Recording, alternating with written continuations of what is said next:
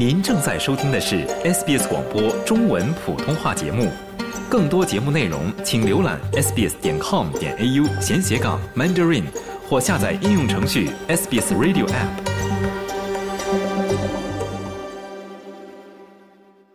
所谓的自由分娩，或称野外分娩。是指一名女性计划在没有助产士或医生等注册医疗专业人员的监督和陪伴下，在医院以外的地方分娩。这一概念源于自然分娩运动，该运动在二十世纪六十年代和七十年代兴起，以回应对分娩过程中医疗干预程度的担忧。澳大利亚助产士学院的首席助产士艾利森·维瑟斯通表示。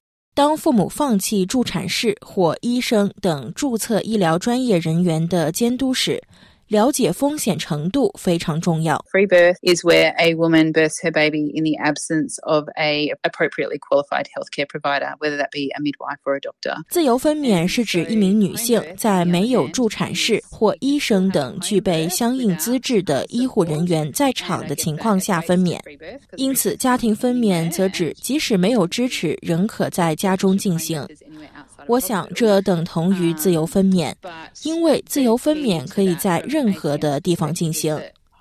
从技术上来讲，家庭分娩的定义是在医院以外的任何地方。但是，从澳大利亚助产士学院的角度来看，对于某些女性来说，家庭分娩是一种安全选择，前提是她们得到了具有适当资质的专业医护人员的支持。澳大利亚并未收集有关自由分娩的数据，但是澳大利亚卫生与福利研究所指出，大约百分之九十七的分娩于医院进行，百分之一点八的女性在分娩中心分娩，百分之零点三的女性选择在家中分娩。二月十一日，新州拜伦湾一对双胞胎在一次自由分娩中早产并死亡。这一事件引发了民众对自由分娩这一做法的新一轮关注。在此之前，维州偏远地区于一月份也发生了类似事件，导致婴儿出生时状况堪忧。西悉尼大学的助产学教授汉娜·达伦告诉 SBS，研究表明，对于低风险妊娠的孕妇来说。由称职的助产士和反应迅速的产科系统共同参与的计划内家庭分娩的效果最好。The evidence for planned home birth for low risk women attended by competent midwives 有证据表明，有有能力的助产士在家中为低风险孕产妇进行有计划的分娩，并与产科系统建立良好的网络联系。其结果在干预率、婴儿健康和母亲健康方面都优于医院。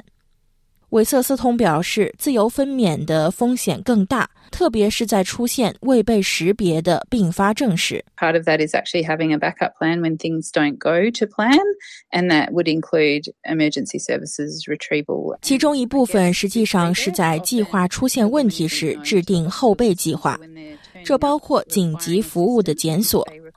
我想，自由分娩的情况下，由于女性通常对医院系统不熟悉，当她们需要帮助时，如果医院或护理提供者不知道她们需要帮助，就可能会延误治疗和管理。根据澳广 ABC 的调查，自2022年以来，昆士兰州东南部和新州北部已确认发生十起与自由分娩有关的灾难性事件。达伦教授表示，零星的报道表明，自由分娩的做法正在增加。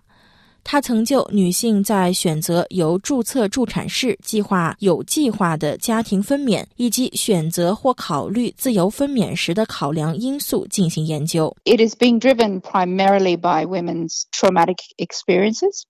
In the system or their inability to find choices. 推动这一趋势的主要原因是女性在分娩系统中的创伤经历，或者她们无法找到适合自己的选择，例如无法找到支持家庭分娩的助产士，无法在分娩中心分娩，或者在系统中感受到被欺凌和胁迫，以至于他们感到别无选择，只能选择绕开系统。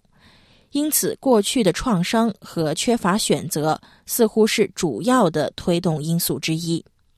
达伦教授认为，审视女性在主流医疗机构分娩的经历非常重要，并考虑这可能成为女性选择自由分娩的重要因素之一。But it's very easy to demonize these women and just call them irresponsible and and ignorant. 对这些女性加以指责很容易，称她们不负责任和无知。事实上，我们已经采访了数千名女性，进行了全国范围内的调查，并出版了一本国际书籍。这些女性中的一部分是你所能遇到的最有准备、最知情的女性。不过，她们往往都受到创伤，处于两难境地，别无选择。因此，如果我们想要解决自由分娩的问题，我们必须停止将自由分娩视作问题所在，转而将主流护理视为问题所在。达伦教授曾是新州分娩创伤调查的专家证人。该调查收到了创纪录的四千份成件，并听取了在新州医院分娩期间经历过创伤的女性的生动证词。在这些证词中，许多女性提到了体重羞辱、疼痛缓解不足以及缺乏对分娩干预的知情同意。韦瑟斯通表示，尽管总会有一些女性选择自由分娩，但是其他一些女性只是需要系统更好的满足她们的需求。All points to maternity service reform to me. We're not quite getting it right. Women, for whatever reason, are. 在我看来，这一切都指向了产科服务改革。无论出于何种原因，我们都没有完全做到位。一些女性选择不在医院分娩，是因为她们有真正的原因，而总是有一批女性会积极的选择自由分娩。我们没有办法真正的影响她们，因为这种情况永远存在。但是我们真正需要支持的是那些避免住院或无法获得连续护理模式的女性。她们需要在孕期、分娩和产后期间拥有同一位助产士的支持，这才是我们真正需要支持的女性。